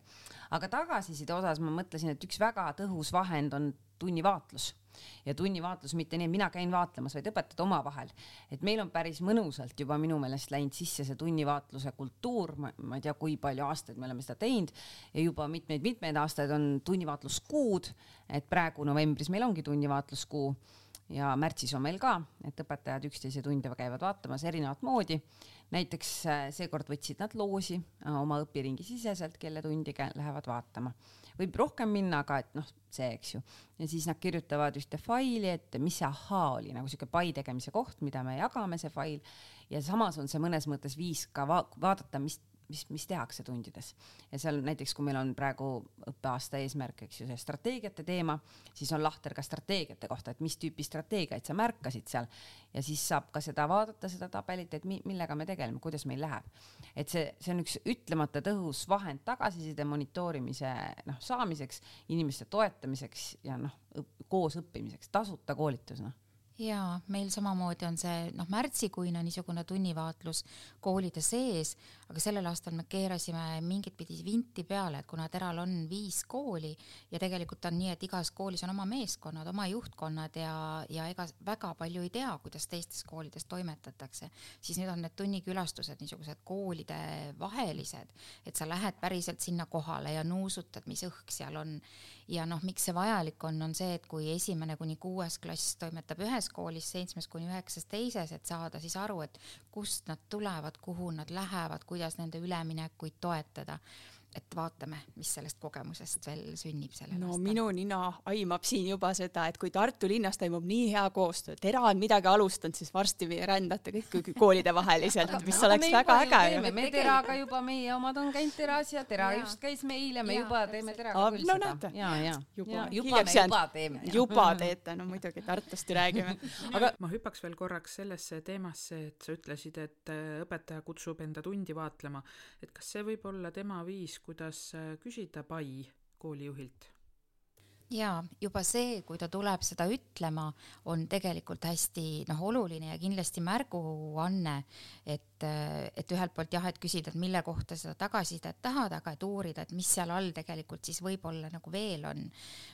jälle võõrad suled, mulle õudselt, ma ei saa mainimata jätta, mulle õudselt, päriselt õudselt meeldib see Tiina Saare mõttekäik, et, et igaühel organisatsioonis peab olema keegi, kelle sülle panna pea. isegi sellel juhil kelle kohta arvatakse, et oh, juhtimine on üksildane uh. -uh. Ei, minu meelest peab juhil ka olema ja vot õpetaja, eks ju, et see võib olla teine õpetaja, aga eelkõige mõeldakse siin niisugust noh, nagu tööandja või sellist nagu juhtimise suhet, et kui mul ikkagi on midagi, mida ma vajan, mis on vaja teha, toimetada, et, et siis oleks see keegi olemas kelle sülle paneb koolijuht pea? koolijuht, kui tal on äh, vedanud nii nagu minul on vedanud, siis meie arendame sellist äh, tandemjuhtimist. mina panen oma tandemis äh, ilmselt Urmo sülle pea ja Urmo, kui julgeb, siis paneb minu sülle pea. küsimus ka teile. mina veel mõtlen selle peale, kelle sülle ma oma pea panen. ta veel kontrollib seda asja natukene. ma natuke kontrollin jah, monitoorin, kogun andmeid. ja minu pea on ka siia-sinna. ei, mul ikkagi selles mõttes ei, mul ikkagi on küll koolis äh, inimesi, kellega ma saan rääkida ja, ja kes on toeks. ja miks sa, Mari, naerad siinkohal no see on tõsi, aga ma tegelikult on neid nagu väljaspool ka, noh, selles mõttes, kes on. mõnes teises koolis, eks? või siis kuskil, kus ma olen näiteks koolijuhtide järelkasvu programmis, kus me olime see tiim seal, ka Mari oli seal üks liikmeid ja, ja, ja, ja on veel selliseid äh, kooliinimesi, kellega on hea, hea kontakt, kellega saab rääkida. aga lähme nüüd äh, õpetaja juurde ka, et äh, mis tagasiside kontrollimehhanismid õpetajal on? et kas need on hinded, kas need peaks olema hinded või, või kuhu, millega need asendada? sa mõtled, et kuidas õpetaja saab õppeprotsessi siis monitoorida mm -hmm. selle nurga alt? just. no eks selleks on eri viise, eri lahendusi sõltuvalt eri, eri vanusest ja võib-olla erinevatest lahendustest, aga äh, kui ma mõtlen nagu selle meie kooli vanema kooliastme ehk siis ProTera peale, siis kõige-kõige olulisem tööriist on äh, või, ja selline uuenduslikum ka on see, mida see noor ise oma õppimise kohta mõtleb, kuidas ta mõtleb, kuidas ta sellest äh, räägib, ehk niisugune noh, kas ta just alati päris sinna metatasandile jõuab, aga siiski, et kui on selline kokkuvõtete tegemise aeg, siis enne kui õpetaja paneb ühe tähelise hinnangu külge, kõigepealt noor paneb selle ise. ma arvan, et ma olen sellel poolaastal näiteks C-vääriline ja vot siis tuleb see analüüs aga miks, kuidas ma olen õppinud, milles ma olen arenenud, mis on minu need kohad, mis vajaksid lisatähelepanu, mis on minu järgmise poolaasta eesmärk ja mis ma kavatsen selle eesmärgi poole jõudmiseks äh, siis teha. Ja siis õpetajad vaatavad need poolaasta niisugused äh, kommentaarid, analüüsid üle ja lisavad niisuguse lühikese kommentaari, et jah, tõesti on olnud nii. Oled väärt seda, teist või kolmandat äh, sellist kokkuvõtlikku hinnangut. Mm.. et see toetub õpilase enda jaa, sellepärast, et kui me tahame, et vastutus on tema käes, siis on võib-olla mõistlik mõelda ka selle peale, et kas me tahame õpetajatena olla need, kes siis ühel hetkel tulevad nagu need deus ex machinad, jumalad taevast, kes ütlevad, et nii, B, B, C, C, saad C, eks ju, et kes mm -hmm. selle otsuse teeb. et, äh, et muidugi on see õpetajatele selline lugemine ja nende analüüside uurimine päris suur äh, töö, aga kui nad olid seda esimest korda teinud, siis nad ütlesid selle järel, et, et see tunne on hea, sest sa tajud, et nüüd ei ole sina see, kes selle vastutuse enda peale võtab, et, et noor teeb selle ise ja kasu tegelikult saab sellest ka tema oma analüüsi mm kaudu aga see on siis ProTeras? see on selles vanemas kooliastmes mm -hmm. nõndamoodi, me oleme sellel aastal nüüd katsetanud õpetajatega sellist asja, et pärast sellist ähm, arvestuslikku või sellist suuremat tööd ähm, on võimalus õpetajal anda õpilastele siuke väike leheke, kus ta hindabki, et äh, kuidas ta arvab, et tal läks, kui palju ta ka panustas ja, ja kuidas ta õppis, mis strateegiat ta kasutas, just see stra strateegiate tõttu, et saada teada, et kui tõhus see siis oli, eks ju, et me saaks nagu selle õpilase hinnangu. tegelikult see natukene on inspireeritud, ma mäletan, kunagi teie tegite midagi sellist Pro Teras tulevikukooli aastal. Ja seal te rääkisite mingist asjast, see tuli meile see aasta meelde. Jaa, seal oli viis küsimust. Ja meil on nõnda, et kui noor teeb töö ära, siis ta QR koodiga avab sealt äh, selle pisikese küsimustiku. Mm -hmm. ja seal kõige tähenduslikum oli see neljas küsimus, et kõigepealt ta ennustab mitu mm -hmm. protsenti ja mm -hmm. kõik muu, kui ta jõuab neljanda küsimuseni, et aga palju ma ise panustasin, siis alguses õpetajad nägid, kuidas laps läks sinna esimese küsimuse juurde tagasi, et selle, muudab selle ennustuse ära, sest no võib-olla ma ikka nii palju ei mm. -hmm. mõte on see, et sa ei saa tahta seda, mida sa ei tee. ja, ja, ja, ja meie just tahtsime sinna lisada selle strateegiapunkti, eks, et kuidas ta siis õppis, et teada saada, et kui ta saabki, noh, läheb kehvasti see töö ja ta ütleb, et ma lugesin korra läbi, noh, siis me saame arutada selle üle, kui tõhus see oli. aga see idee jah, tuli sealt meelde, et ja me oleme, me oleme seda paberi peal nii-öelda teinud, et nad äh, võtavadki õpetajate tuppa, oleme hunniku neid printinud ja nad saavad võtta õpetajad oma suure töö puhul ja kord kuus on meil klass, noh, meil on klassijuhataja tunnid, iga esmaspäev teine tund ka niimoodi nagu Mari enne ütles, et on hea, kui ta on nii-öelda päeva keskel, eks, et, et see on tund, mis päriselt toimub ja, ja mis on oluline. see on väga oluline tund ja, ja kord kuus siis on sellised äh, kuu eneseanalüüsi lehed, kus ongi, et kuu eesmärk, kuidas ma õppisin, mis mul õnnestus, mis ei õnnestunud, mis strateegiat kasutasin, mis mu järgmise kuu eesmärk on et, et see on ka selline endasse vaatamise koht, noh, selle info saab küll klassijuhataja ja saab seda arenguvestlusel kasutada, aga, aga jällegi õppija toetamiseks, eks. mis vanusest lapsed on valmis juba sellist? no me kasutame seda teises-kolmandas kooliastmes mm -hmm., neli kuni üheksa. kuidas teil, Mari? noh, gümnaasiumis on selle võrra ju ikkagi kuskilt otsast nagu keerulisem, et noh, nad ühtepidi nad väga tahavad kõike, eks meil on need ühiskatsed, see on keeruline aeg alati ja siis äh,, siis kui nad nagu jõuavad, et siis on nagu pingutus läbi, et äh, kui sa küsid nagu, kuidas õpetaja gümnaasiumis kontrollib õpilast, siis ma arvan, et ainuke õige vastus on see, et ei kontrolligi, aga et seal ei tohi tekkida seda, et siis tulid siia et davai, tee ära nüüd, vaata, et et, et minu meelest see peab tekkima nagu dialoogi käigus ja mulle hästi meeldib see mõte, et äh, vist Harari mõte on see, et, et kui sa kogu aeg nagu midagi saavutad, siis sa ei jõua kunagi kohale sinna kohta, et ma olen enda üle uhke, ma olen tubli, vaid sa lihtsalt januned nagu selle järgmise asja järgi, nagu selle suunas tahad kogu aeg liikuda. ma tulen tagasi selle ühiskatsete juurde, et meil on nagu selle koha pealt kohati vastupidi, et ma saan sinna kooli sisse ära, ma saan oma kinnituskirja ära ja nüüd lõpeb igasugune õppimine ära, et see käib nii nagu põhikooli eksamite kaudu, et ma ei janune mitte selle teadmise ja selle kultuuri järgi, mida seal koolis antakse, vaid ma janunen selle mingisuguse prestiiži järgi, et noh, see on juba eos vale, et üheksandikud, see ei anna teile elus mitte midagi, mitte midagi. aga et õpetaja koolis ma ise mõtlesin, kui te rääkisite, et noh, loomulikult on see, üks on see hindamisjuhend, eks, et kui palju ja kuskilt ma seda lohe lasen, aga teisest küljest ma arvan, et hästi oluline on see, et kui palju õppija tunneb huvi eh, oma õppimise edendamise vastu, et selle järgi ma kuidagi saan nagu ülevaate, sest ma päriselt arvan, et gümnaasiumis ei peagi kontrollima enam. et mida sa kontrollid, need on suu mingist hetkest täiskasvanud inimesed, et, et meil on piirid siin on sinu vabadus, eks ole, eksistentsialistlik küsimus, et kas nii on parem või ilma piirideta on suurem vabadus. sinu piirid, mängi nende juures, ma annan sulle kõik, mis mul praegu on ja tee see otsus. ja ta võib seda ju tegelikult ühes aines ühtemoodi teha, teises aines teistmoodi teha. aga see, mida te mõlemad ütlesite, on see, et õppija eneseanalüüs ja vastutus.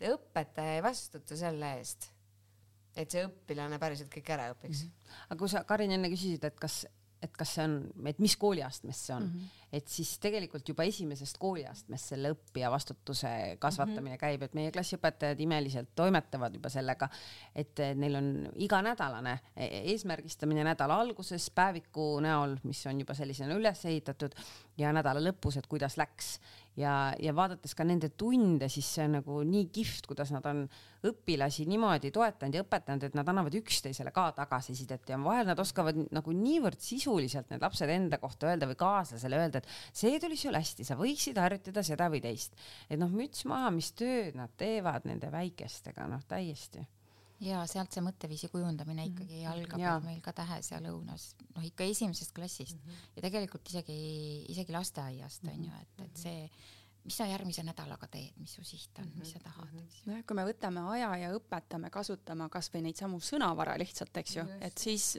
see ongi nende sõnavara kui seda mõtteviisi nagu ei tee, tehta varem ära, siis meil on gümnaasiumis nagu väga keeruline nimesid teha, noh jällegi, et jälle ma ka ei taha rääkida sellest õppekava nii tihe, what not on ju, teeme paremaid valikuid, eks, aga et, et lõppkokkuvõttes on meil limiteeritud ressurss, limiteeritud koolipäevade arv ja et selle sees hakata nullist kujundama inimest, kes ei oska iseennast eesmärgistada, ma arvan, et gümnaasiumil ei, ei saa ega tohi seda kohustust panna ka nii, ma vahepeal unustasin ühe küsimuse küsimata, aga kuna see oli kuulaja küsimus, siis ma küsin selle ära. et äh, Kati Orav küsib, visuaalsed meetodid, lihtsustamine aitab kaasa teadlikule õppimisele ja õpetamisele, küsimärk või hüüumärk ikka hüüumärk ju. kindlasti, kolm hüüumärki võib-olla isegi. vähemalt. siin ei saa küsimärki ollagi selle küsimuse juures no selge, siis on see ära küsitud, aitäh. ja siis, kuna käimas on klassijuhataja aasta, et siin läbi vestluse on klassijuhatamine, mentorlus, coaching läbi käinud, et kuidas teie märkate ja tunnustate klassijuhatajaid oma koolis? Meil ei ole eraldi niisugust tunnustamissüsteemi äh, klassijuhatajate, pro-terrassis tiimijuhtide, eks ju, nooremas tõesti klassijuhatajate jaoks, küll aga minu meelest peab see olema niisugune igapäevane, mis algab nende töö hmm,, mis see õige sõna on, koormuse arvestamisest sellest, et ei, meie meelest ei tohi olla nõnda, et sa oled kakskümmend neli tundi ajalooõpetaja ja siis ole nii hea veel täiskohaga klassijuhataja ka, sa saad lisatasu, tohutu motivatsioon jutumärkides, aga lõpuks oled ise ribadeks ja võtad kõike seda energiat siis äh, iseenda või oma pere arvelt. me oleme püüdnud nõnda äh, seni toimetada et, äh, et selle õpetaja täiskoormuse sees, kes on klassijuhataja, et äh, seal on siis äh, hulk vähem tunde, näiteks seitseteist, kaheksateist ainetundi ja ülejäänu tema tööst on siis klassijuhataja, et inimene ikkagi on tervik ja, ja, ja üks. see ei ole rahaliselt väga kerge ja väga lihtne ja täna eriti on väga suur väljakutse, aga me näeme, et see aitab hoida inimesi jaa, see on ideaal, kuhu me ka tahaks püüelda, aga me kahjuks seda ei ole saavutanud ja ma ei tea, millal me selle saavutame see on natuke võib-olla riikliku rahastamise küsimus ka, millesse ma hetkel ei lasku. aga jaa, klassijuhataja väärtustamise teema, et äh, miski nagu päris paljude mitu klassijuhatajat mul jookseb silme eest läbi, mulle meeldib kuidagi nende mõte, et ma tunnen, et ma ei ole muidu õpetaja, kui ma ei ole klassijuhataja, et see te, see teeb must õpetaja või kuidagi ma ootan, et mul oleks see klass ja ma ei tea, kuidas nad niiviisi mõtlevad ja see, no ma ütlen tõesti, et selle koha juures ma olen nagu nii ütlemata tänulik neile, et nad nii mõtlevad, sest et põhikoolis on tõsine väljakutse olla klassijuhataja, sa oled ju, sul on nii mitu rolli, sa oled see teine ema tegelikult tihtipeale neile seal, eks, või isa, eks, vastavalt kus et meil nagu seda rahalist poolt niiviisi, noh, muidugi see, meil on ta lisatasuna ikkagi, eks, ja mõni võib-olla õpetaja võtab natuke vähem tunde siis, aga noh, ikkagi ta on pigem niiviisi praegu üles ehitatud et, äh, et kui me, kui me tunnustame, siis me proovime märgata, tunnustada kas mingite tänuüritustega, mingi ühis koosviibimistega, motivatsioonikäigud, mingid asjad, mis me koos kokku lepime kollektiiviga, me teeme seda nagu kõik, mitte ainult klassijuhatajad, et meil on pigem niipidi läinud aga mida me oleme võib-olla natukene aidanud ja teinud, on kasvõi seesama, et, et me pakume neid võimalusi, kuidas toetada nende tööriistadega, millest ma enne rääkisin, see coach iv suhtlemisviis, taastav õigus. või näiteks needsamad klassijuhataja tunni mooduli materjalid, et me töötame koos materjale välja, millega nad lähevad klassijuhataja tundi, et nad ei pea üksi asju üles ehitama, et me nagu toetame niiviisi mor moraalselt. jah, et see on üks viis ka tegelikult jah mul on nii raske midagi öelda, mis, ma mõtlen, mida mu mentorid siin nagu ütleksid või nojah, jah su mentoritel on võimalus supervisioonis käia. jaa, aitäh, mul läheb see meelest ära, sest see on nii normaalne meie koolis, et noh, see, see ongi nii. Ja tegelikult öö, on see ju ikkagi ka personaalne coaching, kui nad seda vajavad, nendel on ikkagi oma nii-öelda tugi, tugirühm, nendel on äh, Nad on mentorluses koos, nad ei tee seda üksi, ehk et nendel on see õpipartner, kui me seda õigesti ära kasutame ja laseme oma hirmudest ja kuninganna kun- või kuninga sellisest nagu kompleksist lahti, et tegelikult on nendel õpipartner ja ma, ma arvan, et mul pooled õpetajad patsutaksid ära, et ah Marikene, sina ikka mõtled nii, et ma näen seda nagu nii tohutu võimalusena areneda. vaata, et kui ma ei pea olema Jaan Poska gümnaasiumis mentor, what the hell, mis ma teen seal siis üldse, et lähen õpetan täiskasvanud inimestele, kuidas nagu kunst käib või, või mida matjas teha või. et minu meelest see väärtus ongi see, et ma saan koos noore inimesega areneda et see tundub mulle nagu, mis see raha, seda on, saab, lisatasu on loomulikult ja et noh, me ei jaga seda ikkagi nii, et kui siin on klassijuhataja tasu sada seitsekümmend, siis ma panen pooleks ja ütlen, et nüüd kasvata inimesi. et me ikkagi nagu me oleme algusest peale seda väga-väga väärtustanud, aga, aga ma kuidagi ei oska jah siin midagi sellist erakordset välja tuua, et ma ei, ma ei ole ühtegi banketti teinud ja mul üks mõte on, aga ma ei saa seda öelda, sest äkki nad kuulavad mind ja siis see pole üllatusena. No igal juhul ma saan aru, et koolijuhid eh, praegu hakkasid tõsiselt ajusid ragistama, et mida siis välja mõelda, et äh, igal juhul äh, aitäh teile, et te kaasa mõtlesite meiega, arutlesite siin ja nüüd meil tuleb siis väike tänuring ka teile nii, aga väike tänuring on siis selles, et meil on siin eesti keele ja kirjanduse õpetajad ja sobilikult siis ka raamatud. lauale tuleb viis raamatut ja igaüks saab valida ühe, aga tingimus on, et sa ka põhjendad siis, et miks just see raamat sulle, kuus raamatut, täpsustan. ainuke raamat, mul ei ole, mul see, mul kõik ülejäänud. nii, aga mikrofon on vaba, et kes siin jõudis valikuni, siis äh, miks just see, ütle nimi ka ja. Ja mina, Marietta, valisin radikaalse siiruse, millest ma olen lugenud juppe, katkendeid, otsi, ma tean, et see on hea, mul on seda soovitatud kordi kümneid ja see on mul praegu raamatukogust laenutatud, aga ma ei jõua teda lugeda, sest ma tahan teda mõnuga järjest lugeda ja nüüd aitäh, ma saan selle mõnuga järjest lugemise ja süvenemise Väga võimaluse. mina valisin selge eestvedamise ja luban, et kui ma läbi loen, ma annan Marile, sest see on ainuke raamat, mida tema ei ole siit lugenud. aga ja mind hästi see kohe kõnetas esimese asjana, et mul on mõn- mõned siit üle poole tuttavad ja see kuidagi jäi kohe silma. ma küll olen seda raamatut lugenud, aga võrdlemisi ammu ma valisin, kas ma pidin ütlema pealkirja ka jah Jaa. mm? -hmm. juhtimise viis taset ja kohe siin taga ta ütleb ära, et see, et, et sa saad juhiks, on tegelikult alles juhtimise esimene tase.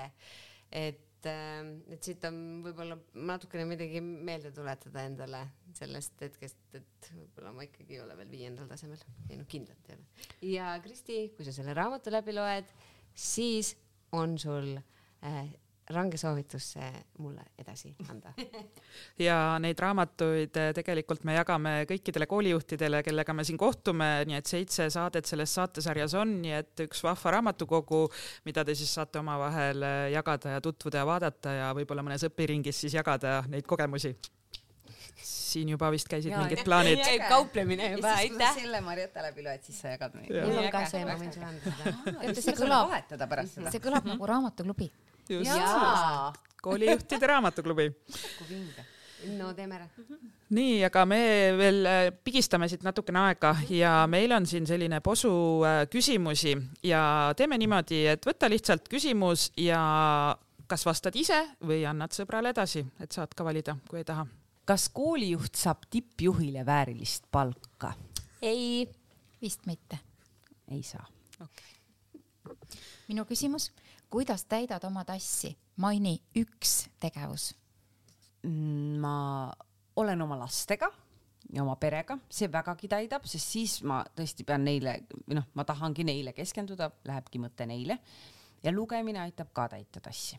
mina lasen äh, lahti sellest, et ma olen koolidirektor. mina käin äh, mööda teatreid ja kinosid, vist kõige rohkem loen ka, aga tassi täitmise põhitegevus on tegelikult äh, üksi olemine. tahtsin alguses sama öelda, aga siis mõtlesin, et see on väga nagu nohiklik, et mis siis ikka ma olen siis sotsiaalne nõus olend. nohik olema. ma ka vist ikkagi jah, daamid, kes on haridusekspert ja milles oled sina ekspert? väga minulik küsimus, aitäh teile ma ei mõtle üldse, ma tahaks öelda midagi väga sisukat, et noh, et see on minu tugevus ja nii edasi, aga ma olen teinud selliseid tähelepanekuid, et kui keegi hakkab Eestis mõtlema koolipäeva muutmise peale, siis nad teevad telefonikõne mulle, et äh, tegelikult igas kuus on mõni niisugune kas koolitus või hoolekogus käimine või kus iganes, et äh, sina oled nüüd koolipäeva muutmise ekspert. Mina ma olen ekspert selles, et äh, ma olen väga uudishimulik ja tahan kogu aeg õppida. sa oled no. õpistrateegiate ekspert. ma tahtsin just öelda, et õpistrateegiate plakatid mulle tundub. Mari? minul on veel selgumises, milles ma ekspert olen. aitäh teile. siin tahaks suure aplausi nüüd teha